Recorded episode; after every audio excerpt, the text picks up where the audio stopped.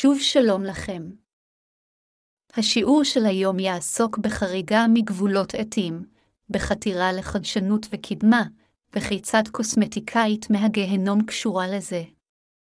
אז בואו נתחיל. תעצמו את העיניים וקחו נשימה עמוקה. דמיינו את עצמכם במכון יופי.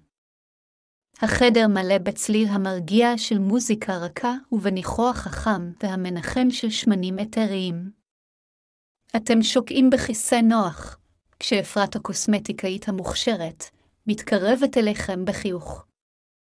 שלום, אומרת אפרת בקול חם ומלטף. אני כל כך נרגשת לעבוד איתכם היום. יש לי כמה מרכיבים ממש מיוחדים לחלוק איתכם. אתם מהנהנים, מרגישים תחושה של התרגשות וסקרנות שנבנית בתוככם. שמעתם כל כך הרבה על הגישה הלא שגרתית והחדשנית של אפרת ליופי, ואתם לא יכולים לחכות לראות מה היא מכינה לכם. אפרת מתחילה לרקוח את תכשירי היופי שלה. היא לוקחת חומצה גופרתית שתקלף לכם את העור בקלות, ואם ירצה השם, תשפר את המרקם והגוון שלו. היא מוסיפה סודה קאוסטיק, שידועה ביכולתה לפתוח סתימות ביוב, שתפתחנה כבוביות ותפחית פצעונים, ומערבבת את שניהם.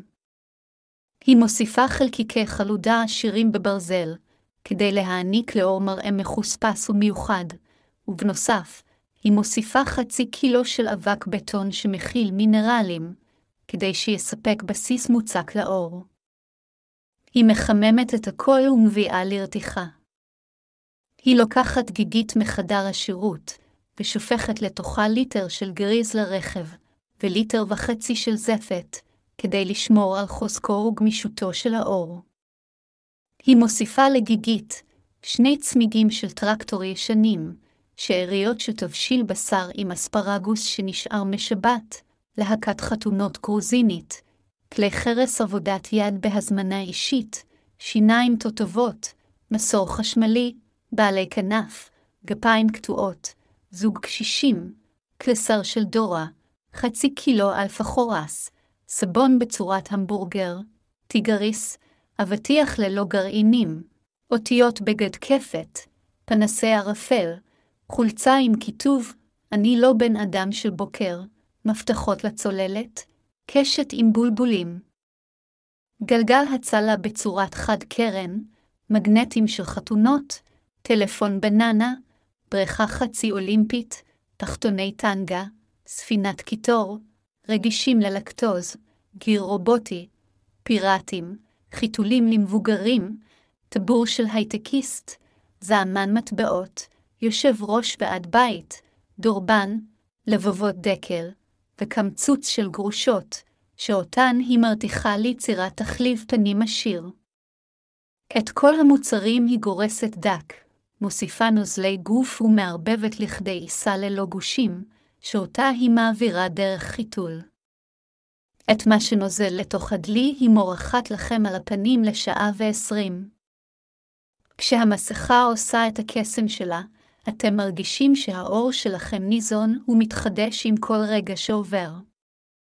אבל יחד עם זאת, אתם לא יכולים שלא להרגיש תחושת אי נוחות, למרות שהמרכיבים נראים כל כך פנטסטיים וייחודיים. פתאום, אתם מרגישים כאב חד בחזה.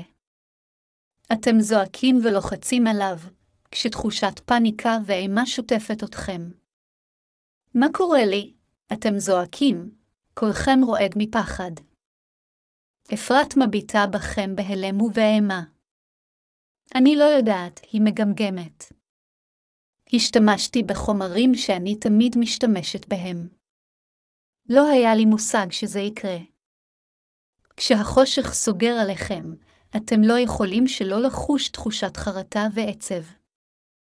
אתם בטחתם באפרת ובגישה החדשנית שלה ליופי, אבל בסופו של דבר זה חרבן לכם את החיים. כשהרעל עובר בברידים שלכם, אתם מרגישים שהכוח והאנרגיה שלכם מתפוגגים. אתם מנסים להחזיק מעמד, להילחם בחושך שמאיים לכלות אתכם, אבל זה לא מועיל. אתם יודעים שאתם גוסים, ואין שום דבר שאפשר לעשות כדי להציל אתכם. מבעד לערפל הכאב והבלבול, אתם שומעים את קולה של אפרת, מלא צער וחרטה.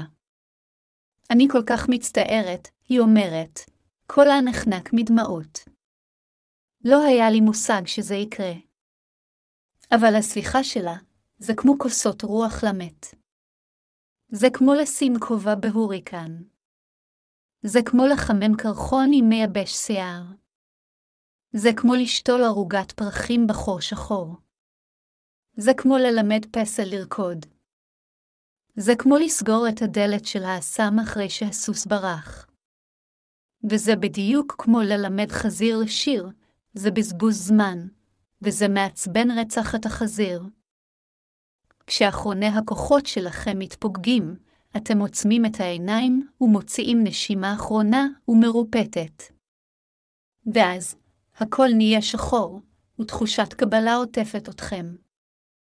אתם יודעים שהמסע המקרטע שלכם בעולם הזה הגיע לסיומו. ועם המחשבה הזו, אתם פוקחים עיניים, מוכנים להמשיך בכל תרועה חלושה קדימה.